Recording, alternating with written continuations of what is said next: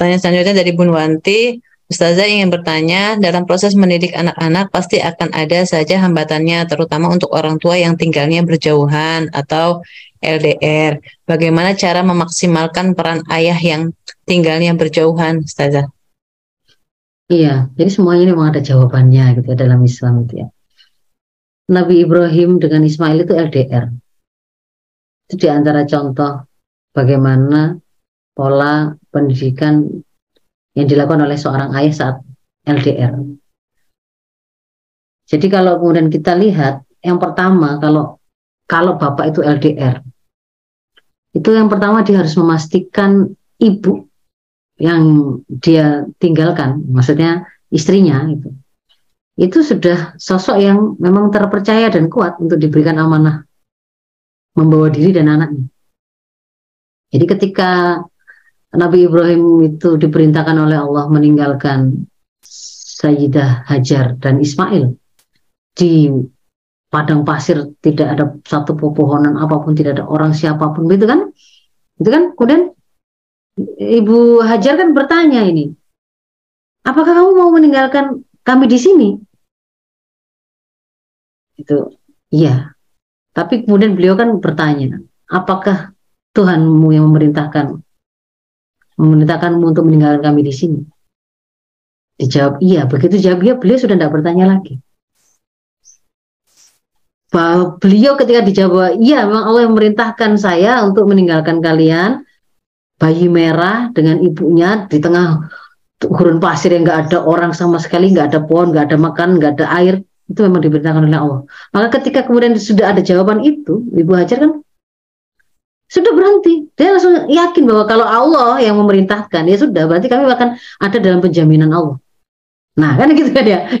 Artinya apa? Dan Nabi Ibrahim juga tidak merasa Nabi Ibrahim tidak merasa khawatir karena memang ini diperintahkan oleh Allah, Allah yang akan menjaganya dan istrinya itu adalah orang yang memiliki keyakinan sebagaimana yang dia miliki.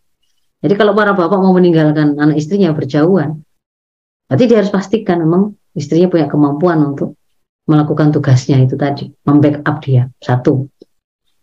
Yang kedua, ketika dalam keadaan LDR tadi, itu harus selalu nyambung dengan doa. Jadi Nabi Ibrahim itu setiap kali berdoa itu selalu membawa uh, zuriyah ya dalam doa-doa beliau.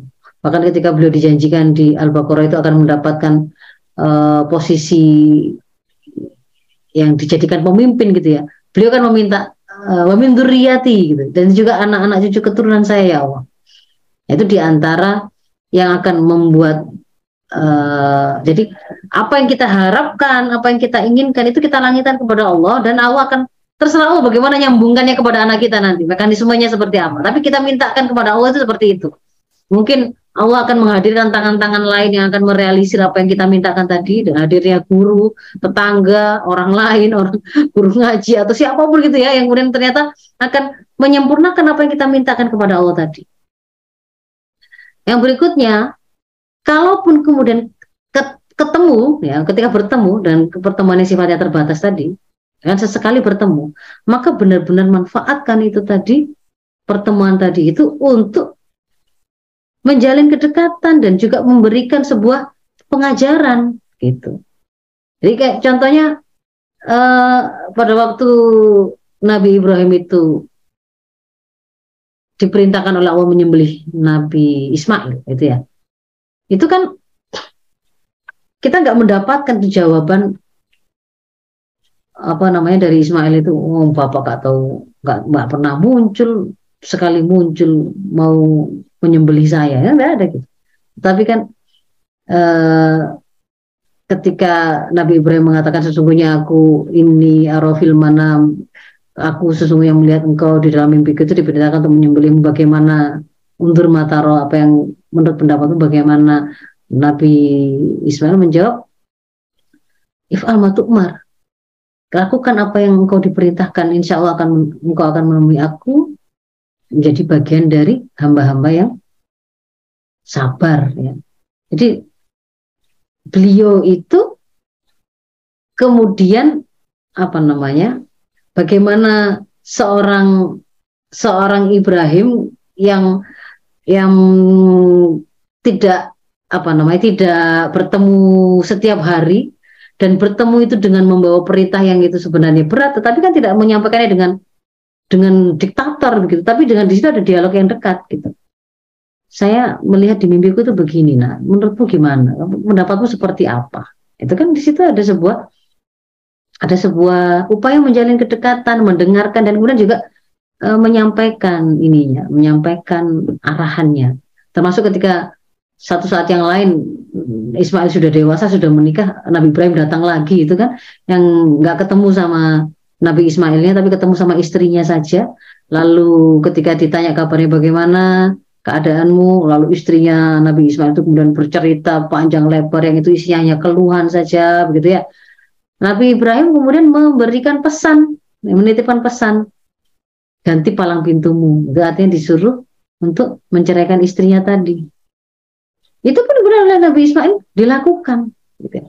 Dilakukan karena jadi di situ juga Ibrahim melihat kan begitu apa yang kemudian dia perlu lihat dari kehidupan anaknya, apa kemudian yang perlu dia nasihatkan dan seterusnya.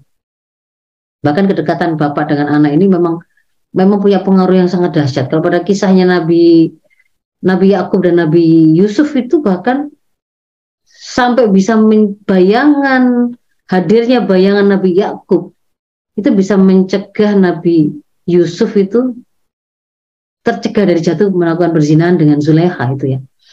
Itu kan? Hampir saja sebenarnya Nabi Yusuf juga juga juga berkeinginan dengan perempuan itu. Perempuan juga demikian. Laula an ro'a burhana robbi. Seandainya saja Nabi Yusuf tidak melihat di situ ada burhana robbi. Nah burhana robbi itu kalau kita baca di tafsirnya itu adalah hadirnya bayangan bapaknya dengan ekspresi yang difahami oleh Nabi Yusuf itu wajah tidak setuju menyebut namanya lalu memberikan nasihat. Itu itu ada banyak hal yang bisa didapat dari situ. Nabi Isma, Nabi ya, Nabi Yusuf itu terpisah dari ayahnya sudah sejak kecil. Ketika dia dibuang oleh saudaranya di sumur sejak kecil. Kenapa kok kemudian itu hadir bayangan bapaknya? Pasti dia dekat. Gitu ya. Dekat lalu kemudian dia terbiasa ada panggilan nama, ada ekspresi yang bisa dia kenali, berarti menunjukkan kedekatan kualitas hubungannya. Ada nasihat yang bisa dia putar. Ya. orang tua itu, para bapak juga harus terbiasa menjadi memberi nasihat untuk anak-anaknya.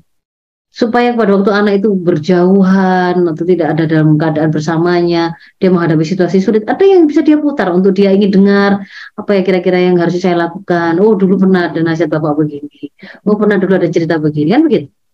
Makanya saya bilang Bapak itu harus dikembalikan pada fungsinya sebagai penanggung jawab utama. Dan itu membutuhkan para ibu itu membantunya menghebatkan pengaruhnya.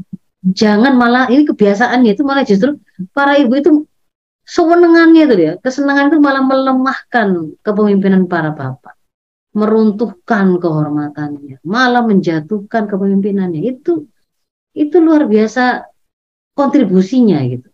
Sehingga akhirnya para bapak juga mau ber mau mau nasihat juga dia merasa oh, kemarin juga lelek sama dijelek-jelekan oleh ibu ya di hadapan anaknya.